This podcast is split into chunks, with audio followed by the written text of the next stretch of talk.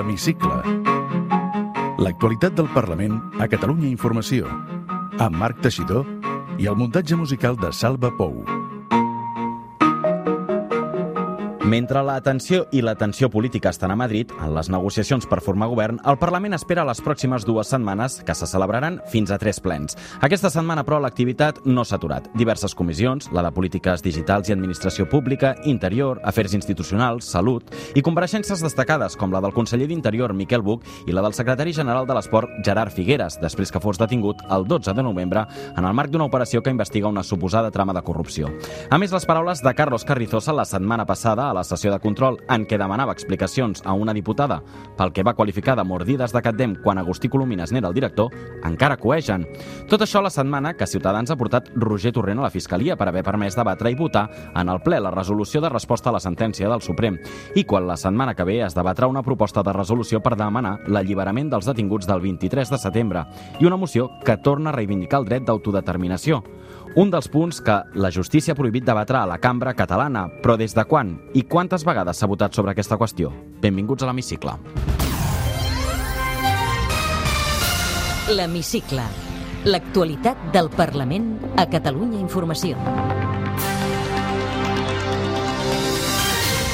Avui a l'Hemicicle us explicarem que Ciutadans porta Torrent i altres membres de la mesa a la Fiscalia. El president del Parlament es defensa i reitera que no censurarà cap debat. Interior xifra en més d'una trentena les actuacions dels Mossos d'Esquadra que revisen en el marc de les mobilitzacions i els aldarulls posteriors a la sentència del Suprem. Ho diu Miquel Buch, que rep crítiques de la pràctica totalitat de l'arc parlamentari, inclòs el soci de govern, Esquerra Republicana. Gerard Figueres nega que el seu departament faci un tracte de favor a l'hora d'atorgar subvencions. Defensa que el jutge només ha investigat tres expedients dels més de 600 firmats aquest any. Tots els grups, excepte Ciutadans i Partit Popular, firmen una declaració contra les paraules de Carrizosa a Aurora Madaula. Les tillen de masclistes i sexistes i recorden que el comportament dels diputats ha de ser exemplar. Nova moció la setmana que ve que reclama el dret d'autodeterminació. Des del 1980 s'han aprovat 16 textos sobre aquesta qüestió. Ho repassem. I avui ens contestaran una frase al qüestionari de l'hemicicle. Santi Rodríguez, eh, diputat del Partit Popular al Parlament de Catalunya.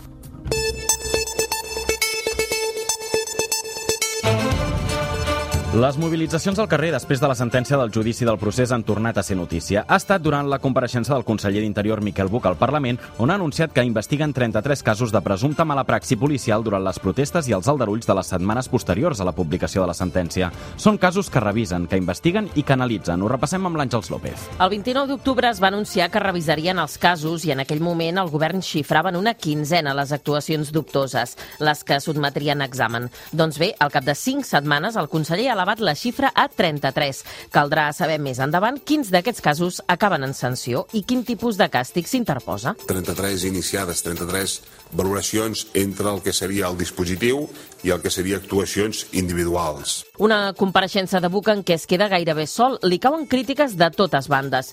Li dona suport només al diputat del seu partit, Junts per Catalunya. La resta, amb més o menys contundència, li exposen les seves crítiques per unes actuacions que, segons la CUP, els més contundents són violència policial desfermada. Maria Sirvent, diputada Copaire. Quantes vegades han disparat els agents de Mossos d'Esquadra a la zona del CAP a la gent? Senyor conseller, què han fet davant de la pallissa absolutament gratuïta que van propinar els Mossos el dia 18 d'octubre contra una veïna a Barcelona? Esquerra, un to més rebaixat, també parla d'actuacions policials que els van deixar perplexos. I des dels comuns, el diputat Marc Parés li retreu que no obligués els cossos policials espanyols a deixar les bales de goma a casa. I Buc s'hi torna. Que qui coordinava el dispositiu, que eren vostès, podia haver condicionat la coordinació amb els cossos policials de Policia Nacional i de Guàrdia Civil a que aquests no utilitzessin les bales de goma. I li pregunto per què no ho van fer. Això és molt fàcil. Ara vostès poden eliminar les pilotes de goma dels cossos policials i no les tindrem a Catalunya. Ho poden fer, ja que governaran. Doncs jo espero eh, assegut. I des de la resta dels partits de l'oposició, Ciutadans, el PSC i el PP també critiquen Buc, però per motius diferents, per no ser prou contundent. Matías Alonso, diputat de Ciutadans. Han hagut de lluitar de valent contra violència organitzada que s'ha desplegat a les principals ciutats catalanes i molt especialment a la ciutat de Barcelona. El comportament dels diputats dins la cambra ha tornat a ser notícia aquesta setmana. Després que l'any passat Roger Torrent hagués de reunir els grups per demanar-los contenció a l'hora de debatre, aquesta setmana la Junta de Portaveus ha aprovat una declaració amb tots els grups, excepte Ciutadans i el Partit Popular. En aquesta ocasió per les paraules de Carlos Carrizosa durant l'última sessió de control. En concret, rebutgen les paraules que tillen de masclistes i sexistes en què el cap de l'oposició va demanar explicacions a la diputada Aurora Madaula pel que va qualificar de mordides de Catdem quan Agustí Colomines n'era el director. El text recorda el codi de conducta dels membres de la cambra que han de ser respectuosos, escrupulosos i exemplars. Carrizosa negava que la seva intervenció fos masclista. Denunciando la corrupción galopante que sufre otra vez la clase dirigente política, los herederos de Jordi Pujol. Esta intervención escoció mucho escoció. Si alguien eh, pudo considerar que se hablaba en otros términos de esas amistades, fue precisamente el señor Turren. Simplemente les digo que desde luego con este portavoz, con este presidente de grupo, con este jefe de la oposición, no van a conseguir callarnos. I no deixem de parlar de Ciutadans, perquè aquesta setmana han denunciat davant la Fiscalia el president del Parlament, Roger Torrent, i altres membres, els independentistes de la mesa, per haver permès debatre i votar en el ple la resolució de resposta a la sentència del Suprem. Una proposta de resolució conjunta de Junts per Catalunya, Esquerra i la CUP, que ja havia estat escapçada pel Constitucional, anul·lant el punt que reiterava el dret a l'autodeterminació i que els grups van salvar amb esmenes. El president del Parlament responia. La denúncia és un símptoma d'impotència política. Voler guanyar als tribunals allò que no es guanya a la política és una estratègia absolutament ineficaç, perquè jo continuaré defensant fins a les últimes conseqüències la llibertat d'expressió i el dret a representació política dels diputats i les diputades. La Fiscalia ja va obrir diligències d'investigació contra Torrent i la mesa després que el Parlament va aprovar una moció de la CUP sobre l'autodeterminació. I del ple de la setmana passada al de la setmana que ve, un ple que, entre d'altres, debatrà una proposta de resolució conjunta pels tres grups de la cambra independentistes, en aquesta ocasió per la llibertat dels CDRs detinguts el 23 de setembre. Junts per Catalunya, Esquerra Republicana i la CUP confien que Catalunya en Comú Podem es posi al seu costat i també s'assumi en aquest front antirepressiu. El text volen que vagi més enllà i faran arribar a organismes internacionals la proposta per denunciar l'estat repressor. De fet, la proposta vol que la cambra exigeixi el trasllat dels presos en centres penitenciaris catalans, acabar amb el règim d'aïllament d'alguns d'ells i saber de quins fets són acusats. I també, la setmana que ve, el Parlament debatrà una moció de Junts per Catalunya que tornarà a posar sobre la taula el dret d'autodeterminació tot i els reiterats avisos del Constitucional per prohibir el debat sobre alguns conceptes. Es tracta d'un text que vol remarcar que l'actual situació és un conflicte de naturalesa política que cal resoldre per vies democràtiques, que demana un reconeixement institucional de govern a govern, reclama mediació internacional i posar fi a la repressió. Punts que en els darrers mesos s'han tractat en més d'una ocasió, però quants cops s'ha parlat d'autodeterminació al Parlament? Ho repassem al següent informe. Des de 1980, quan es va recuperar el Parlament de Catalunya, la cambra s'ha pronunciat fins a 16 vegades sobre el dret a l'autodeterminació. La primera vegada que es va aprovar un text en què es reivindicava el dret del poble de Catalunya a l'autodeterminació va ser el desembre de 1989 i aleshores el govern del PSOE de Madrid s'expressava així. Estamos en contra de cualquier iniciativa de este tipo que vulnere la Constitución y que ponga en cuestión la unidad de Estado. Mientras el Partido Socialista esté gobernando, la unidad de España no se pone en cuestión. Són les paraules de la ministra portaveu de l'època, Rosa Conde, després que en una comissió del Parlament s'aprovés el text d'una proposició no de llei d'Esquerra que avalava el dret de l'autodeterminació. Anys més tard, el 1998, el ple aprova la primera resolució en aquesta línia. El Parlament de Catalunya en el marc de la celebració del 50è aniversari de la Declaració Universal dels Drets Humans, ratifica un cop més el dret del poble català a determinar... Hi van votar a favor Convergència i Unió, Esquerra i el Partit per la Independència. El PSC i Iniciativa per Catalunya Verds s'hi van abstenir. Van haver de passar 10 anys més perquè la cambra catalana es tornés a pronunciar sobre aquesta qüestió. Va ser a finals del 2009, principis del 2010. En comissió ratifica la vigència de les dues resolucions anteriors i es reconeix el dret de les consultes populars i afegia. Es ratifica en la voluntat d'emprar tots els instruments jurídics vigents i polítics necessaris per tal que el poble de Catalunya pugui exercir el dret a decidir. Al març del 2011 s'aproven dues mocions en aquesta línia i es rebutja els recursos del govern espanyol presentats al Tribunal Constitucional en contra d'aquestes consultes. L'octubre del 2012, després de la manifestació multitudinària de l'11 de setembre d'aquell any, sota el lema Catalunya, nou estat d'Europa, el ple aprova una altra resolució. Els intents d'encaix de Catalunya amb l'estat espanyol i les seves reiterades respostes negatives són avui una via sense recorregut. Quatre anys més tard, Catalunya l'octubre del iniciat una nova 2016, etapa es vota al ple una altra resolució.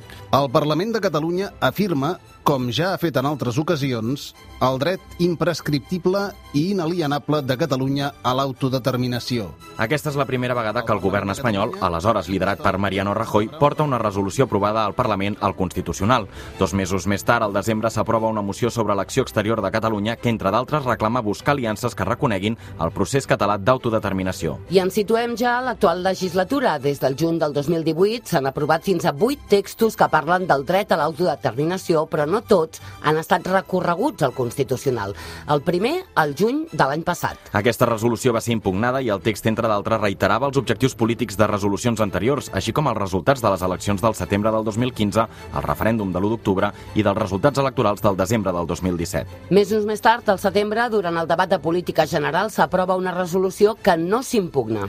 El Parlament de Catalunya reconeix la defensa i l'exercici del dret a l'autodeterminació per part de la ciutadania i les institucions del país amb l'organització de les consultes populars, la celebració del 9-N i, especialment, la defensa de les escoles, el dret de vot i el referèndum... I a finals d'aquest any, un nou text reitera el dret a l'autodeterminació i al gener d'aquest any hi torna i afegeix una exigència a l'estat espanyol perquè posi fi a la repressió. No s'emprèn cap acció legal en contra. Al juny, una altra resolució que en aquest cas sí que es recorre al Tribunal Constitucional. El Parlament de Catalunya es referma en la seva disposició a exercir de manera concreta el dret a l'autodeterminació. Al setembre es torna a votar un text que en parla i que també es porta al Constitucional. I el mes passat, al novembre, dos textos més. El primer, una proposta de resolució que s'aprova, però el Constitucional en suspèn el text i no es publica al butlletí oficial del Parlament. I al darrer ple, un punt d'una proposta de resolució conjunta entre Junts per Catalunya, Esquerra Republicana i la CUP, també suspès, que reiterava el dret a l'autodeterminació no es vota, però els tres grups presenten esmenes que invoquen el rebuig de les ingerències de la justícia.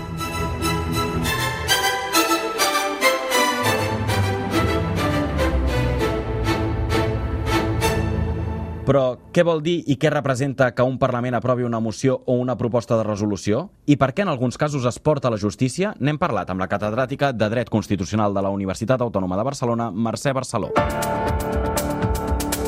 poden ser, d'una banda, um, posicionaments perquè dintre de les àmbits de les competències pròpies d'aquell Parlament el govern o algun altre òrgan eh, dugui a terme alguna, alguna funció i és una resolució política, s'aprova una resolució política d'impuls de l'activitat governamental o bé eh, s'aprova una resolució de posicionament sobre un tema polític eh, d'aquella cambra parlamentària. Eh, això es pot fer sobre àmbits sobre els quals es té o, o no es té competències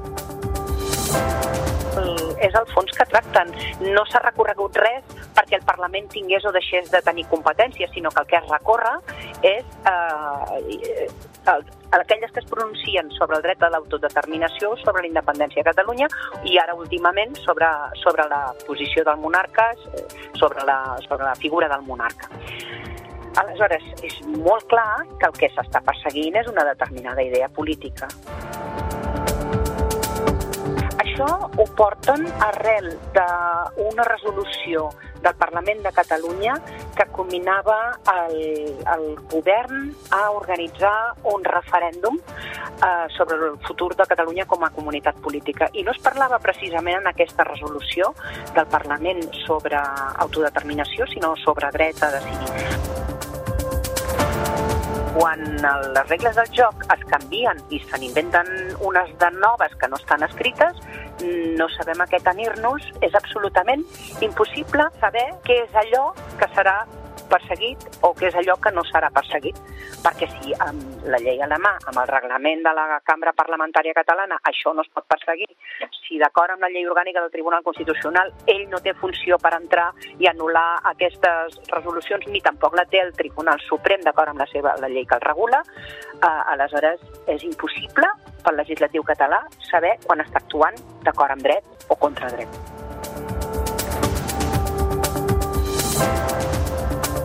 Moment ara de l'entrevista a l'hemicicle. Té la paraula Santi Rodríguez, eh, diputat del Partit Popular al Parlament de Catalunya. Quina valoració fa de l'actual legislatura? La tinc que fer dolenta, dolenta perquè crec que no avancem en absolutament cap dels temes que preocupen i que ocupen a la ciutadania de Catalunya. El Parlament està dedicat fonamentalment al, al, al procés i a les conseqüències del procés perquè si ho volen els grups majoritaris que són els que donen suport al govern. El constitucionalisme a Catalunya sembla que no acaba de posar-se d'acord per fer front al bloc independentista. Hi ha algun motiu? Bueno, és difícil sempre que forces polítiques amb orientacions eh, programàtiques diferents eh, trobin un nexe d'unió i una unitat d'acció, no? Bé, jo crec que és important que hi hagin uns mínims que, que compartim i que defensem conjuntament i jo crec que això ho fem. Al marge d'això jo crec que evidentment s'han de respectar les diferències que hi ha entre les diferents forces polítiques. Ara bé, nosaltres no renunciem ni molt menys a que eh, properament, no massa tard, doncs hi pugui haver un, una, una candidatura única com a mínim del centre-dreta eh, que pugui fer front al, a l'independentisme. Hem conegut aquesta setmana que l'expresident espanyol Mariano Rajoy tenia intenció d'aplicar l'article 155 a Catalunya es convoquessin o no eleccions anticipades l'anterior legislatura. Era la millor solució? Va servir per frenar l'independentisme? Eh, L'aplicació del 155 en el seu moment va servir per eh, resoldre un problema puntual que es va plantejar, una declaració d'independència i un govern que havia decidit saltar-se les lleis i actuar al marge de la Constitució i de l'Estatut. I l'aplicació del 155 va servir per trencar aquella dinàmica, per destituir el govern, convocar noves eleccions i, per tant, eh, donar una nova oportunitat.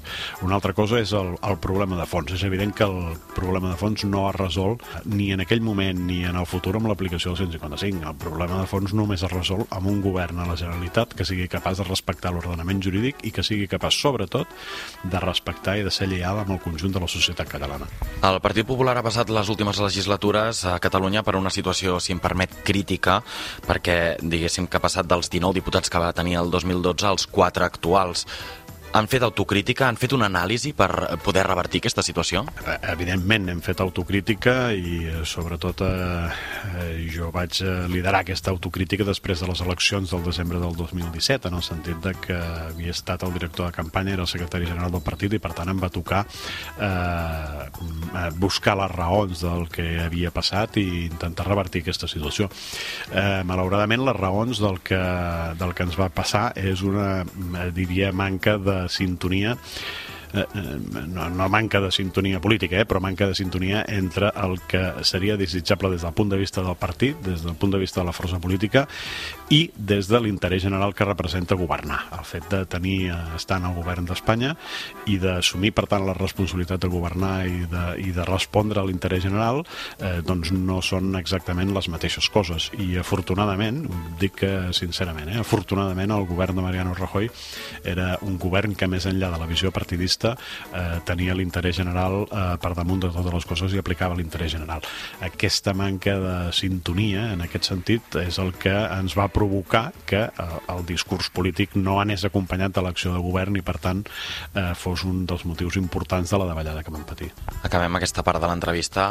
Li pregunto per Vox. Uh, cal cordons sanitaris a Espanya? Cal cordó sanitari a Catalunya si arriba el moment? Temen que els pugui prendre vots? Miri, nosaltres no som partidaris dels cordons sanitaris i no som partidaris perquè els hem patit.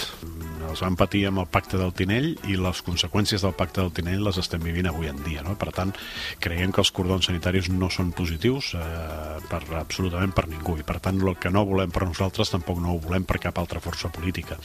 Ara, és evident que Vox té una forma de fer política i de dir les coses eh, molt diferent a com estem habituats fins ara i que eh, doncs és possible que una part de l'electorat, eh, no només nostra sinó de moltes altres forces polítiques, puguin sentir-se eh, atretes per aquest discurs. Eh, nosaltres, eh, com som partit de govern i tenim, hem tingut i estem convençuts que tornarem a tindre la responsabilitat de govern, els nostres plantejaments tenen que ser seriosos, tenen que ser realitzables i, per tant, allunyats de segons quines, segons quines estridències.